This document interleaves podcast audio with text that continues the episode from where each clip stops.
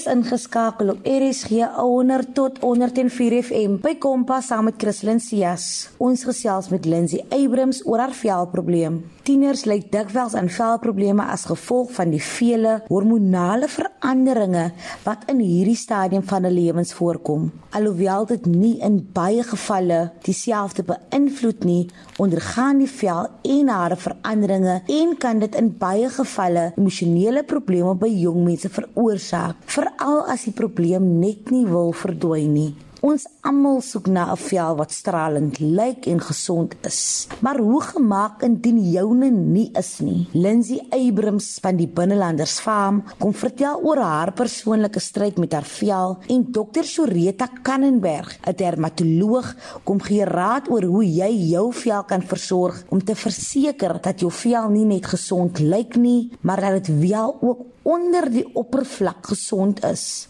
Hallo en welkom by Kompas saam met my Christlyn. Jy kan regdeur die program jou gedagtes deel op 45889 teen R1.50 per SMS of tweet ons by ZARSG.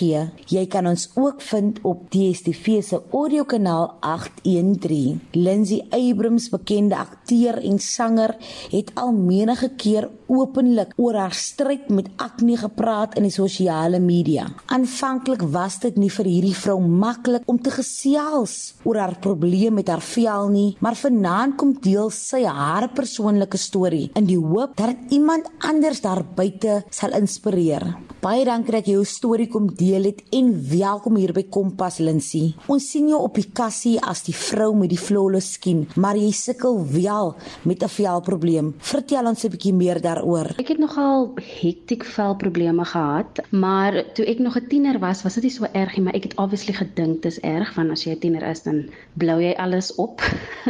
so, um as tiener het ek 'n bietjie soos net 'n bietjie pimpels hier en daar gehad, maar toe ek binlanders begin het, het dit nogal baie erg geword. Um ek dink dit dit was 'n dit was 'n combination van ek was nou weg van die see af, ek was in 'n baie droë city Ek het baie make-up gedra elke liewe dag. So my vel het net ingegee. Um ek het cystic acne gehad en dit was bakterieël. So ek het oeg, dit was dit was seer. Dit was oral. Dit was uh passie soos wit pas het altyd uitgevloei, bloed het uitgevloei, so dit was nogal erg, ja. Op watter ouderdom moet jy besef jou velprobleem is 'n bietjie erger as jou portuurgroep sin? Ag ja, soos ek nou net gesê het, ehm um, toe ek tiener was, het ek was ek onder die indruk dit was baie erg, maar dit was glad nie so erg as wat ek gedink het. Ek het pyses gehad so hier en daar, maar dit was glad nie sistiek nie. Ehm um, en net 2 jaar gelede het dit nou so erg geword. So ek het eers 2 jaar gelede besef dat toe ek gedink het dit was erg, was dit glad nie erg nie. My acne was actually net 'n probleem 2 jaar gelede en ek sukkel nou nog daarmee. Hoe het dit jou selfbeeld afekteer? So omdat dit net 2 jaar gelede so erg geword het, en ek was al op TV, ek moes appearances gedoen het. Dit was glad nie goed vir my mental health nie. Um ek was nogal baie depressed daaroor want obviously niemand wil op TV wees en um mense sien, "Oh wow, dis dis nogal erg." Ek mense het gekomment op Facebook, mense het comments gemaak oor um het hulle gesien Chanel se gesig. Um ek wonder of sy okay is en obviously dis nie lekker om te hoor nie. Ek self kon sien deur die make-up, die texture van my vel, dit was dit was regtig erg. En uh boonop was dit flippend seer. Dit was seer as ek lê op my gesig, dit was seer. Um ek het 'n mooi gevoel vir my man nie. Ja, dit was dit was glad nie dit was glad nie goed vir my selfbeeld nie. Wat is jou gesigversorging rotine nou? Oh, my my rotine. Okay, ek dank die Vader vir um Dermal Health of Dermixel. Um, hulle het my gekontak en hulle het gesê ek moet hulle produkte probeer want dit gaan werk en dit werk. Um, hulle het 'n hele range produkte Maar wat cool is van hulle is hulle um, diagnoseer jou vel. So my acne sal nie dieselfde wees as joune nie en dit is actually deur hulle wat ek uitgevind het my acne is bakterieël en dit dat ek daarvoor moet sorg. En so ek gebruik hulle produkte elke oggend, elke aand. Ek slaap nie met make-up aan nie. Dis 'n groot no-no. Ehm um, ek moet moisturize Ehm um, en ja, hulle het, hulle het 'n range serums en goedes wat ek gebruik, so dis 'n hele rotine. Dit vat nogal dit vat vat nog vat nog al rukkie, maar dit is so worth it. Lindsay, jy is baie vokaal oor die probleme wat jy met jou vel ondervind. Was dit altyd die geval of of hoe wanneer het dit begin? Ek moet actually hier vir my man die krediet gee. Um ek was te embarrassed en te ashamed om enige iets vir enige iemand te sê nie, want ek het net gevoel dis op my gesig. As jy my ken, weet jy ek het 'n probleem. So ek het nie 'n rede om daaroor te praat nie. En my man het actually vir my gesê post iets want um jy is nie die enigste een wat hier meer sukkel nie. En toe doen ek dit Um ek was baie nervous want um dit was ek het baie vulnerable gevoel. Um en toe ek die responses sien oor hoe baie dit beteken het vir soveel meisies en vrouens en hoe dit net hulle gehelp het om om meer confident te wees en hulle self lief te hê het ek gesien oh wow this this this is actually a thing en dis deur dit dat ek meer vocal geraak het want ek het net gevoel as dit enige iets beteken vir enige iemand het ek 'n plig om daaroor te praat. Indien jy geweet het wat jy nou weet, sou jy dan sagter wees op jou jonger self met betrekking tot jou vel. Ehm um, ja, beslis 100%. Ehm um, maar jy weet mos as tieners, ons is almal hard op onsself. Ek was 'n tiener wat baie hard was op myself. Ehm um, want jy wil inpas, jy wil nie hê mense moet jou reject nie. Ehm um, jy wil die popular kid wees. So al daai goeters het 'n rol gespeel in hoe ek myself getreat het en ek was glad nie nice met myself nie. Ek het gevoel ek was lelik. Ehm um, so nou dat ek weet wat ek weet dat dit nog erger gaan word en dat jy ehm um, en dat dit actually niks beteken nie. Um ja, ons wil almal ons beste wees, maar um om jouself te haat net omdat jy deur 'n fase gaan waar jy nie op jou beste is nie, beteken nie jy het die reg om lelik te wees met jouself nie of um of sulke goed nie. So ja, ek sal ek sal definitief sagter gewees het as ek geweet het wat ek nou weet. Watter raad het jy aan tieners daar buite wat tans sukkel met hul vel? Is nie vir ewig nie en asseblief moet nie jouself haat nie. Daar is soveel meer wat jy het om te offer as net jou vel en hoe jy lyk. Um en ja, natuurlik wil ons op ons gesondste wees en op ons beste lyk, maar daar is 'n season waar alles nie altyd lekker gaan wees nie. En hierdie is net 'n season. Dit gaan nie vir ewig aanhou nie. Fokus op goed soos hoe jy mense behandel, en um waar jou hart is en jou mental health en en daardie goed moenie laat jou mental health um down the tubes gaan omdat jou vel net 'n paar pysies het nie. Um doen wat jy moet doen om ontslae te raak daarvan. Um gebruik die produkte eet gesond, slaap, oefen, maar weet altyd jou worth lê nie in hoe jou vel lyk nie. Um so wees die beste wat jy kan wees en en kyk na jouself. Wees gesond in jou in jou mind bedoel ek nou. Ja. Skoonheid is nie die spieelbeeld van die siel nie.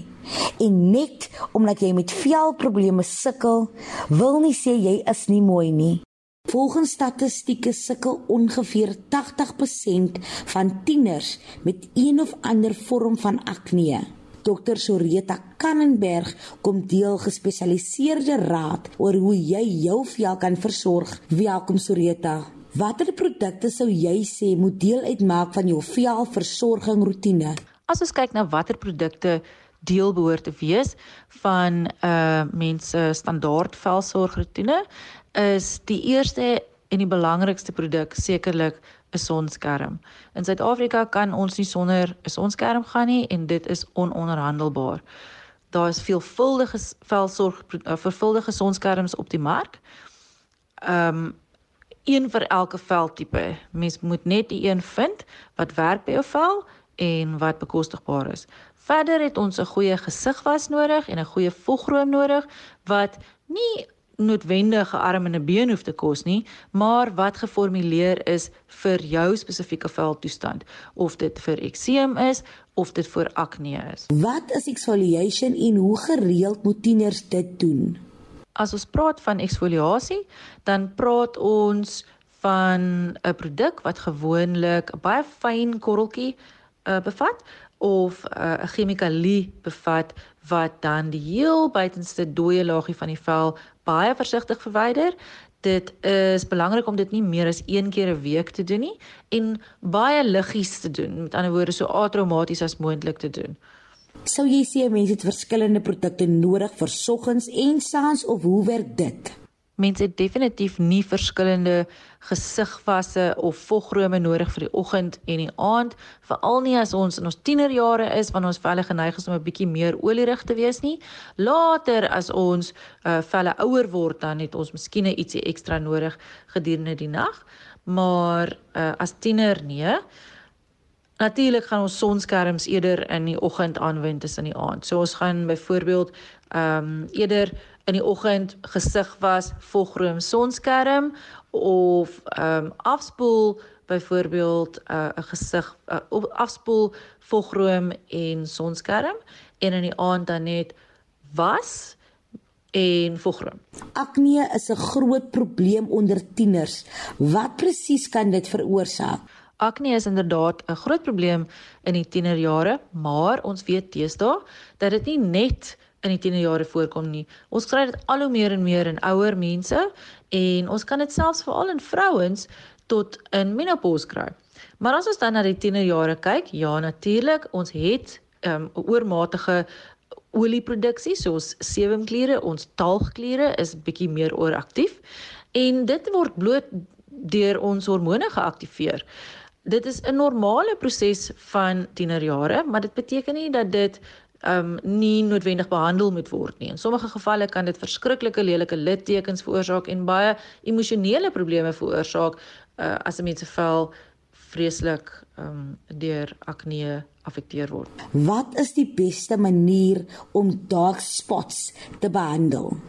Ongelukkig is een van die ongewenste neeweffekte wat ons kan kry na akne, die van merke. Die merke kan of induikingkies wees, uh in Engels noem ons dit ice peak scarring byvoorbeeld. Ehm um, ander tipe littekens ook, maar spesifiek ook gepigmenteerde kolletjies wat beteken dat ons donker kolletjies kan kry. Dit kry ons veral in mense met donkerder velle.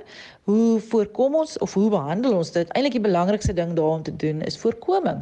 Maar as ons dan wel die kolletjies het, dan moet ons maar seker maak dat ons sonskerm dra.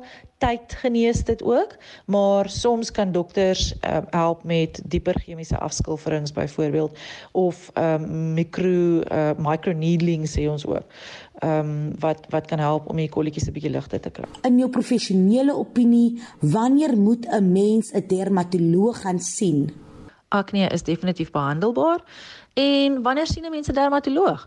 Wanneer die gewone produkte wat ons in die winkel kry wat spesifiek geformuleer is vir akne velle nie genoeg is om ons akne te beheer nie veral as ons 'n familiegeskiedenis het van 'n uh, baie slegte akne. So as een van jou ouers of beide van jou ouers of 'n broer of 'n suster baie slegte akne gehad het wat vreeslik lelike littekens gemaak het, dan is dit belangrik om vroeër eerder as later 'n uh, 'n dokter te sien daarvoor. Watter raad het jy aan tieners met velprobleme? Die belangrikste raad wat ek graag vir tieners wil gee, is om nie moed te verloor nie. Daar is behandeling vir akne die ehm um, dit dit so dit is belangrik om maar vroeër eerder as later hulp te soek.